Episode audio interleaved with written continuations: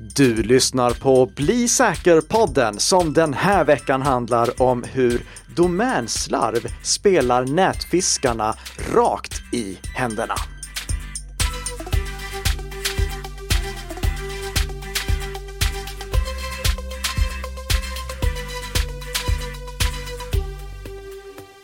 Ja, god morgon, god morgon kära lyssnare och som jag har saknat att få säga god morgon, god morgon till er på fredagsmorgnarna. Bli säker-podden med mig Karl Emil Nicka och tidigare Tess Hamark tog ju ett eh, förlängt sommaruppehåll. Ett sommaruppehåll som blev ett sommar-höstuppehåll. Och det berodde helt enkelt på att det var lättare sagt än gjort att hitta en ersättare till Tess. Vi har försökt på många sätt att hitta ersättare. Det, vi har haft två stycken tidningar som till och med har visat intresse för att ta över podden. Men det föll alltid på någonting i slutändan, bland annat att jag inte ville ha in annonser. Men det hur som helst, nu har vi äntligen hittat en lösning. För medans letandet pågår så har jag en vikarie som träder in som en räddande ängel. En vikarie som ni faktiskt har hört tidigare här i podden. Mina damer och herrar, låt mig presentera herr teknikexpert, herr teknikveckan, herr teknikprylnörd, Peter Esse. Tack, vilken presentation Nicka. Ja, det är en ära och ett privilegium att få vara med i denna säkerhetsinstitution och även att få vara med och representera Bredband2 i detta. Mm. Så jättekul att jag får vara med här, om än temporärt. ja, nej men, eh, det är ju flera månader som du troligtvis kommer vara med nu, så våra lyssnare, ni kommer att eh, göra er välbekanta med Peter Esse.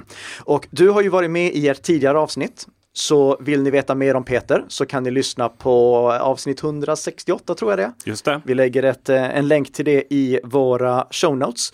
Eh, men eh, nu är du som sagt här som konsult för Bredband2 och jag får ju säga just att du kunde kliva in som konsult på Bredband2 och rädda podden så här. Det är, jag är oerhört tacksam över det.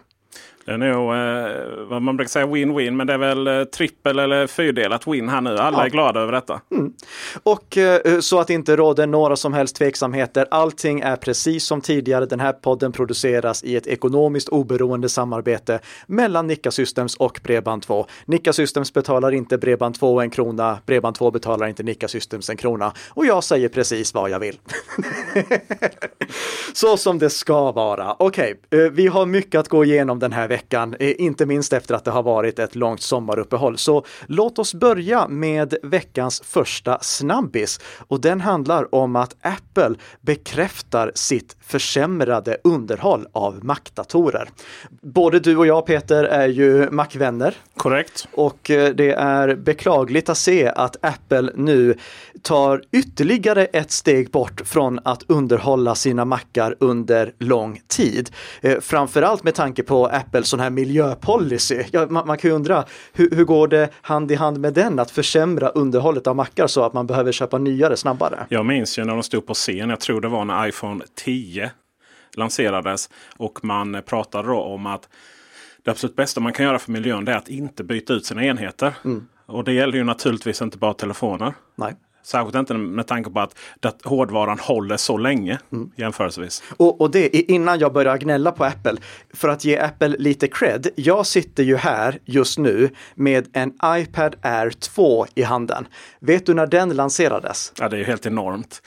Eh, och får jag lite tänketid här nu, jag ska räkna bakåt. 2011? Nej, 2014. Okay. Ja. Men, men ändå, eh, den här alltså den har ju ingen batteritid alls längre, batteriet är helt slut. Mm. Men Apple underhåller den fortfarande med säkerhetsuppdateringar. det, är ju, det är ju absurt åt andra hållet. Ja, så det, det, där är de jätteduktiga. På, på iPhone och iPad-fronten är de duktiga, men på Mac-fronten, där blir det sämre och sämre. I augusti, då skrev jag min första artikel om det här att jag upptäckte att Apple försämrar underhållet av mackar och det gjorde jag eftersom jag upptäckte att de släppte inte säkerhetsuppdateringar lika snabbt till de äldre versionerna av MacOS som till den senaste versionen av MacOS. Vi kan eh, backa tillbaka till början av året, den 31 mars. Då åtgärdade de två aktivt utnyttjade sårbarheter i MacOS 12, som också kallas MacOS Monterey. Men sen dröjde det till den 16 maj innan de åtgärdade samma två aktivt utnyttjade sårbarheter, alltså sårbarheter som de visste att användes i attacker i MacOS Big Sur, alltså då MacOS 11 och MacOS Catalina, MacOS 10.15. En och en halv månad då? En och en halv månad, precis. En och en halv månad som de lät de äldre versionerna av MacOS vara icke säkra. Mm. ha kända sårbarheter. Öppna för angrepp helt enkelt. Ja. Sen så hände det igen den 17 augusti då åtgärdade de ytterligare två stycken aktivt utnyttjade sårbarheter i MacOS Monterey. Den ena åtgärdade de dagen efter i MacOS Big Sur och Catalina, alltså de två näst senast eh, släppta operativsystemsversionerna. Men den andra dröjde det till den 12 september innan de åtgärdade i MacOS Big Sur. Och det finns fortfarande ingen information om huruvida de tänker åtgärda den i MacOS Catalina eller ifall den ens finns i MacOS Catalina. Jag, jag, alltså, jag, jag, tror att de har slutat underhålla MacOS Catalina helt och hållet. För vi har inte sett någon uppdatering till MacOS Catalina sedan den 12 september. Men då är nästa fråga. Är det då kom mer komplicerat? Nu är vi inte mjukvaruingenjörer här va? På det här bygget. Men är det mer komplicerat att underhålla MacOS jämfört med iOS då som uppenbarligen man är bättre på? Eller vad tror vi att det här kan bero på? Jag tror att det beror på den väldigt eh, enkla anledningen som rent tekniskt går under namnet Cash rules everything around me, cream get the money, dollar dollar bill y'all. Är det, är det den ja? Mm. Precis, men samtidigt så är det ju då kanske det skulle vara en viss tydlighet att säga att eh, de datorerna klarar inte det här systemet och det här systemet uppdaterar vi inte. Var vänlig och köp en Macbook Pro 14 tum M2 Ja, Pro. ja, de borde i alla fall informera användarna om att de har slutat hålla datorerna säkra. Ja. Och anledningen till att jag inte tror att det är tekniskt svårare för Apple, bara för att också ge en förklaring till det, det är att så fort Apple släpper en ny version, då ser vi hur fulhacks på nätet som dyker upp för att man ska kunna installera de nya versionerna på äldre datorer. Mm. Jo, så är det ju. Men man brukar väl säga att det krävs tre gånger för att det ska vara en tradition. Så jag skulle därför vilja backa tillbaka till 2021 också för att styrka det här påståendet som jag har om att de är dåliga på att underhålla gamla versioner av MacOS. För den 1 februari 2021 då åtgärdade de en sårbarhet som inte var känd aktivt utnyttjad i MacOS Big Sur och MacOS Big Sur det var då den senaste versionen av MacOS. Sen dröjde det till, håll i dig, 23 september alltså typ ett halvår ja. innan de åtgärdade den i MacOS Catalina som då var den näst äldsta versionen. Det är ju mer än ett halvår. Ja. Dessutom. Och när de åtgärdade den i MacOS Catalina, då la de till den här informationen. Apple har fått rapporter om att en exploatering av det här problemet finns i omlopp. ja, det är väl inte så konstigt. Ni erkände ju att problemet fanns redan i den första februari. Så det här är någonting som de har ja, tyvärr blivit sämre på och det är extra allvarligt nu i samband med att de håller på att gå över till eh, MacOS Ventura. För MacOS Ventura, den senaste versionen av MacOS, den fungerar bara på datorer från 2017 och senare. Just det, och därmed så kvalificeras vi, kvalificerar, därmed så diskvalificerar vi Mac Pro 2013 som är en väldigt trevlig dator för de som äger den. Jag bytte faktiskt ut en eh, Mac Mini M1 mot den för att jag ville kunna köra två äh, Apple Thunderbolt 27-skärmar. Ja. Och är jättenöjd med den setupen. Och det enda som hindrar mig från att fortsätta med den är då att jag helt enkelt inte kommer att få kunna vara... Jag kommer inte kunna med eh, all sannolikhet få de säkerhetsuppdateringar som jag behöver för att ha den i min verksamhet. Nej. Så vi måste nu faktiskt eh, ändra en rekommendation. Och det är tidigare så har vi sagt eh, kör någon av de tre senaste versionerna av MacOS. Nu är det kör absolut någon av de tre senaste versionerna av MacOS, men helst den senaste. Och Apple själva, de styrker den här nya rekommendationen. För tidigare i oktober, då uppdaterade de sin webbplats så att det nu står så här på den. Citat på engelska. Because of dependency on architecture and system changes to any current version of Mac OS, for example, Mac OS 13, not all known security issues are addressed in previous versions, for example, Mac OS 12. Tack för den Ja. lavetten. Så Apple säger själva nu att eh, äldre versioner av MacOS hålls inte lika säkra som den senaste versionen. Så ny rekommendation är kör definitivt den senaste versionen av MacOS om du vill ha en dator som är så säker som möjligt. Eh, det är fortfarande så att många privatpersoner absolut kan köra någon av de två senaste versionerna de- dessförinnan också. Som nu då alltså är MacOS 11 Big Sur eller MacOS 12 Monterey. Kör aldrig äldre än så och uppgradera helst till den senaste om du vill vara på den absolut säkraste sidan. Jag tänker framförallt för företag. Där är det ju jobbigt nu för att samtidigt som jag vill säga kör inte den senaste versionen för där finns fortfarande lite buggar. Så måste du nu köra den senaste versionen för att Apple inte gör som Microsoft och underhåller äldre versioner lika bra som den senaste. Kul med sitt gamla media-klaviatur. Midi-klaviatur. Vet inte det?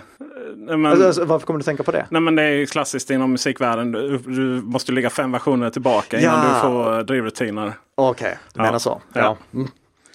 Okej, eh, Peter. Ja, den riktigt stora nyheten när det kommer till ska vi kalla det verifikationer på nätet har, står ju Elon Musk för. Nämligen nu efter att han har kommit i mål med köpet av Twitter. Det som började i våras. Och efter lite bråk så har han nu gått in med en toalettstol på Twitters högkvarter i San Francisco. Gått in med en toalettstol. Ja, han kom in med en toalettstol på Gjorde Twitter. han? Yes. Va? Ja, men det är Elon Musk liksom. Okej. Vad kan man förvänta sig? Nej, jag, jag, jag trodde det var ett skämt som jag inte förstod. Men Nej, jo då, nej det, var, det var ju så. Uh, och ge- genast då så hade han ju svaret på hur ska vi tjäna pengar? Eller hur, hur, vad, vad ska du göra med detta Elon Musk? Jo, han ska ta prenumerationstjänsten Twitter Blue som ju finns nu i bara några enskilda länder. USA, Storbritannien, Australien, Nya Zeeland och sådär. vi, vi har den alltså inte här. Vi har den absolut inte här. För 5 dollar i månaden eller 4 499 dollar i USA då, så kan man få lite perks såsom eh, teman, möjlighet att ehm, ja, undoa, alltså det vill säga att du skickar ut en tweet som inte syns för alla och inom någon minut så har du möjlighet att ångra dig då. Kanske fler, alla skulle ha kanske. Eh, Möjlighet att läsa tidningsartiklar som annars är bakom betalvägg och lite sådana saker. Den, den står ju inte för så stora intäkter utan det är reklam. Vär, eller reklam. Twitter är reklamfinansierat. Och du kollar upp hur ofta, hur mycket pengar som Twitter har gjort genom åren eller hur många gånger de har gått med vinst va? Ja, jag satt och grottade ner mig lite i det och konstaterade att av de senaste tio åren är det bara två år som de har gått med vinst. Ja, Så det, är inte ett eh, jättevälmående bolag idag. Det, är- och det var 2018 2019 så det var liksom inte de två senaste åren. De tuff annonsmarknad trots, trots allt. Och sen är ju eh, Twitter är inte jättestort på sociala medier. Det är ju en, en, en eh, prominent plattform för prominenta människor. Kan man ju säga. Och det är också just då prominenta människor här som kanske kommer få den största förändringen. För de har fram tills nu kunnat ha en liten blå bock vid sidan av sitt namn. Som visar att de är de helt enkelt. Ja, det är en eh, profil som Twitter har verifierat att faktiskt tillhör personen som utger sig för att vara den personen eller organisationen. Precis. Och en av de första sakerna som Elon Musk kom på då att dels så ska den här verifikationen bli en del av abonnemanget och prenumerationsmodellen. Och dessutom ska vi höja priset till 20 dollar. Och för det får ni då också lägre videos och så vidare. Det var många som var arga, men ingen var så arg som Stephen King. Som använde F-ordet. Var på eh, Elon Musk svarade och sa ja men 8 dollar då. Ja. Och sen så gick det några timmar till här. Alltså det här kan ju förändras medan vi spelar in den här podden. Så gick det några timmar till och sen så då var det fast skrivet i sten att Twitter Blue kommer bli en global prenumerationstjänst för alla. Där vi då får lite perks. Men framförallt då så måste du prenumerera på det här. För att få din blåa lilla bock. Och Karl-Emil Nicka. Har du en blå bock? Du är ju prominent då. Alltså du har fler Twitterföljare än vad jag har. Ja. Och jag har ingen sån blond bock, har du en? Nej men Det, det, det är bara sådana här riktiga kändisar, rik- riktiga superkändisar som har den blå bocken idag. Så det, det är inte alla som hittills har haft möjlighet att få den här blå bocken. Men eh, nu verkar det då som att det är pay to play, alltså du får köpa den. Mm. Och min fråga till dig då är ju, man går ifrån att du kan få den om du känner rätt människor, om du har en tillräckligt bra Wikipedia-sida och så vidare. Och att den är verkligen en bekräftelse på att det är du, du, om du har den. Till att nu får du den bekräftelsen om du betalar för dig. Är det här en bra idé? Det här är eh, Elon Musks sämsta idé den här veckan. Oj då.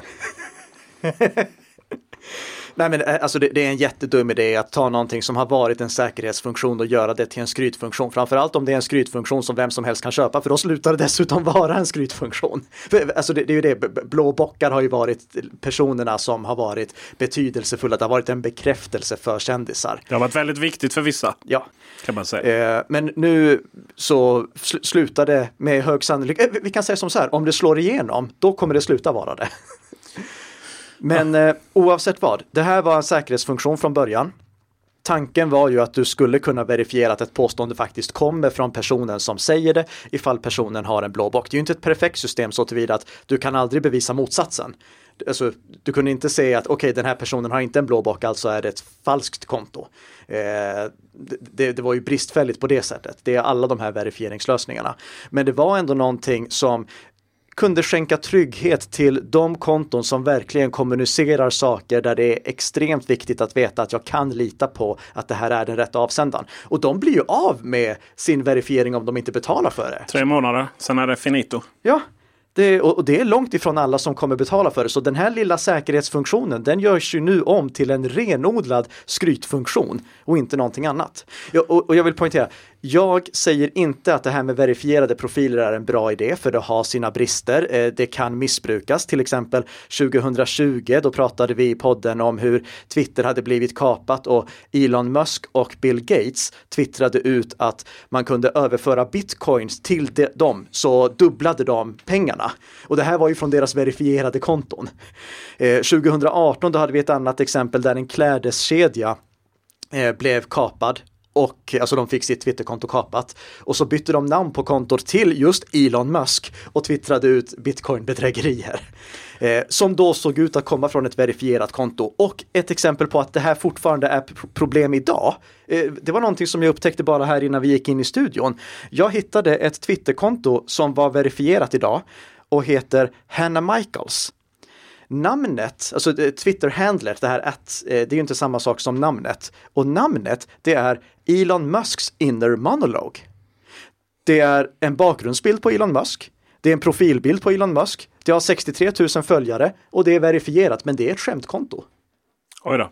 Det är verifierat skämt. Så att ja. och, och, och, det är ju anledningen till att jag ser det här som ett Eh, en jättedålig idé. Twitter kommer inte ha någon chans att under starten verifiera alla konton på ett korrekt sätt. Det här kommer missbrukas något kopiöst av bedragare för att liksom, de ska se trovärdiga ut på Twitter. För tänk dig den manuella processen som krävs för att kunna bekräfta alla de här ansökningarna som kommer in och krydda det med det här som Elon Musk sa att eh, de anställda hade ett visst antal dagar på sig. 7 november ska vara klart, annars är det kört. Och det är klart, då blir ju inte den här genomtänkta funktionen som kan hindra mot stulna kreditkort och eh, krav på tvåstegsverifiering och så vidare. Hur nu det inte kan vara ett krav redan. Jag får väl omformulera mig då, eller mina tankar om detta. Jag får väl säga att jag tror det är bra för Twitter i korta loppet om man ser till bokföringsmässigt, alltså intäktsmässigt. Och jag går från att jag tror det här är inte eh, positivt för oss andra till att det här ska bli oerhört intressant att följa. Ja, jag tror inte ens att det här är någonting, och nu säger jag tror, var, var noga med det här, men jag tror inte ens att det här är bra för Twitters överlevnad framgent att börja ta betalt av användare som är de som skapar innehållet på Twitter. Eh, det är inte rätt riktning, framförallt inte när Twitter har så många konkurrenter. Det... Eh, men vet du vad? Bevisligen så har eh, Elon Musk byggt lite större bolag än vad jag har gjort. Så han kanske har rätt. Det, framtiden får utvisa det. Ja. Okej, okay. Låt oss gå in på veckans huvudämne och det är att domänslarvet gynnar nätfiskarna. Under oktober månad, då var det säkerhetsmånaden, den årliga säkerhetsmånaden och i år gick den under parollen på engelska Think before you click. Och det är en bra uppmaning till alla. Man ska tänka innan man klickar på saker. Eller hur? Ja, mm. men hur mycket ska man behöva tänka? Ja, och jag skrev en krönika i Aktuell Säkerhet om att det är bra att vi uppmanar våra eh, våra användare, våra medarbetare, våra kollegor att tänka innan de klickar. Men om man ska göra det, då måste man nog också sopa rent lite framför egen dörr först. Just precis. Och då tänker jag på hur det slarvas med domäner idag. För mina rekommendationer är väldigt enkla. Registrera en huvuddomän, till exempel nikasystems.com. Använd uteslutande den och använd subdomäner när du behöver ha en speciell sida.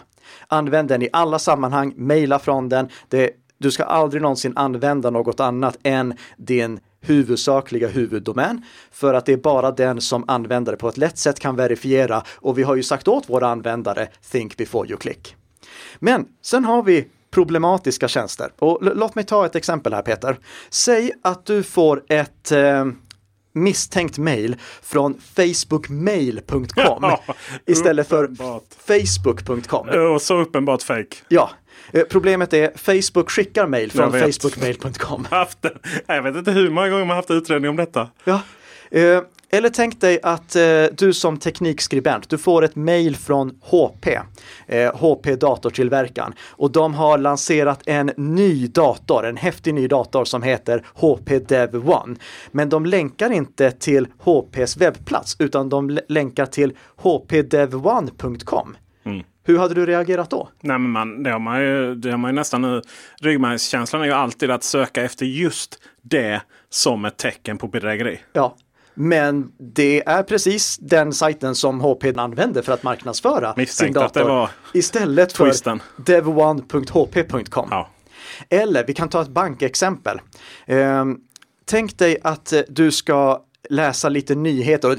Jag kan säga det här hittade jag på Twitter och jag tänkte det här är ju bedrägeri, men det var det inte. Eh, det är alltså en sajt som Swedbank driver som heter Swedbank Aktiellt. Nej, sluta. Men den ligger inte på aktiellt.swedbank.se utan den ligger på swedbank-aktiellt.se. Ja.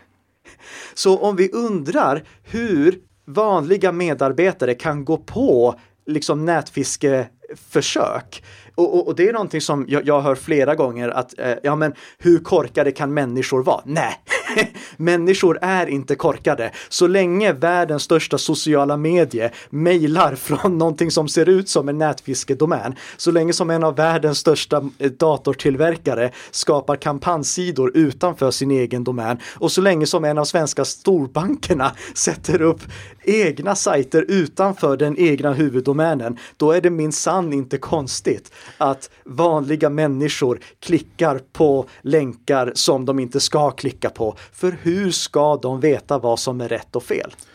Ja, alltså Facebook mail tycker jag är extra graverande just för att det är sådär klassiskt. Liksom.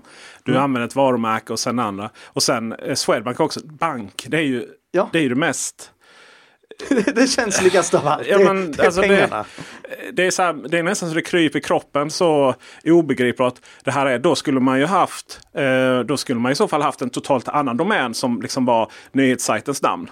Ja, ja. Eh, jag vet att det finns en banks eller försäkringsbolag som har livspusslet till exempel. Ja men det låter ju lite mindre. För det är just det här när man... Nej, jag håller inte med nej, dig. Det ska in... Vilken bank är det? Det var oklart vilket försäkringsbolag det var. Eh, förlåt, försäkringsbolag. Ja. Eh, men oavsett vilket försäkringsbolag det var, det ska in på livspusslet, punkt och så huvuddomänen. Right. För det är det enda sättet som en vanlig användare har chans att veta om det kommer från försäkringsbolaget eller inte. Mm. Annars så hade det kunnat komma från vem som helst. Det, jag hade ju kunnat sätta upp en sajt som heter Swedbank Aktuellt istället för Swedbank Aktiellt. Mm. Hur, hur, ska en användare veta att eh, det är just Swedbank Aktiellt som är den rätta? Och samma sak med inloggning. Eh, låt oss säga, eh, du, du, har ett Microsoft-konto va? Jajamensan. Ja. Vilken domän loggar du in på när du vill logga in på ditt Microsoft-konto? Uh... Det borde vara Microsoft.com, eller hur? Mm. Mm. Men det är Microsoftonline.com. Mm. Och då är det igen som att servera nätfiskarna. Tänk dig att du får en länk som går till ditt riktiga Microsoft-konto och du ser att det går till microsoftonline.com, då vänjer du dig vid att ja, men ibland så ligger det online.com därefter.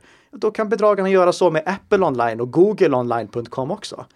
Eller ett annat exempel, när du ska logga in på Skatteverkets webbplats. Vad är det för domän som står i adressfältet då? Skatteverket.se? Nej, det är m01-mg-local.auth.funktionstjänster.se. Nej, jag går härifrån. ha? Jag har ett annat sånt, lite sån, det är ju inte så här, det är kanske inte där man blir bedrägd direkt. Men Um, Filmstaden. Om man uh, tycker logga in där. Mm. Då hamnar man på en helt annan skum domän med en jättelång adress. Och då bryter man ju dessutom uh, uh, lösenordshanterarna som går på domänerna och sånt. Just det. Och, och, det är någonting, det är nästan ännu värre. det blir ju jobbigt för mig, ja. i min bekvämlighet liksom. Precis. Så, därför skulle jag vilja passa på att säga två avslutande saker. Den första saken, det är att i och med den här situationen som vi har idag, så måste vi ha förståelse för att användare är osäkra på vad som är en nätfiskelänk och inte. För det är otydligt.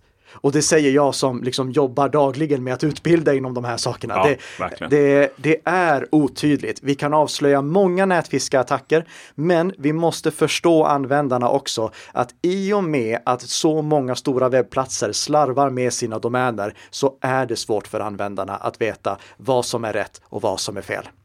Den andra saken, den berör alla er som jobbar med webbar och att ta fram webbplatser. Kom ihåg, samla alla era tjänster under en och samma huvuddomän så att användare lätt kan verifiera om de har hamnat på en sida som tillhör er eller en sida som är uppsatt av någon bedragare.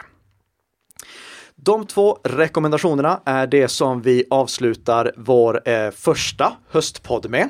Så jag eh, tackar dig så mycket Peter för att eh, du har kommit in här och eh, gjort att vi är igång med Bli säker-podden igen. Och vi är ju då också tillbaka nästa fredag igen med ett nytt avsnitt av Bli säker-podden som gör dig lite säkrare för varje vecka som går. Tack för att du har lyssnat!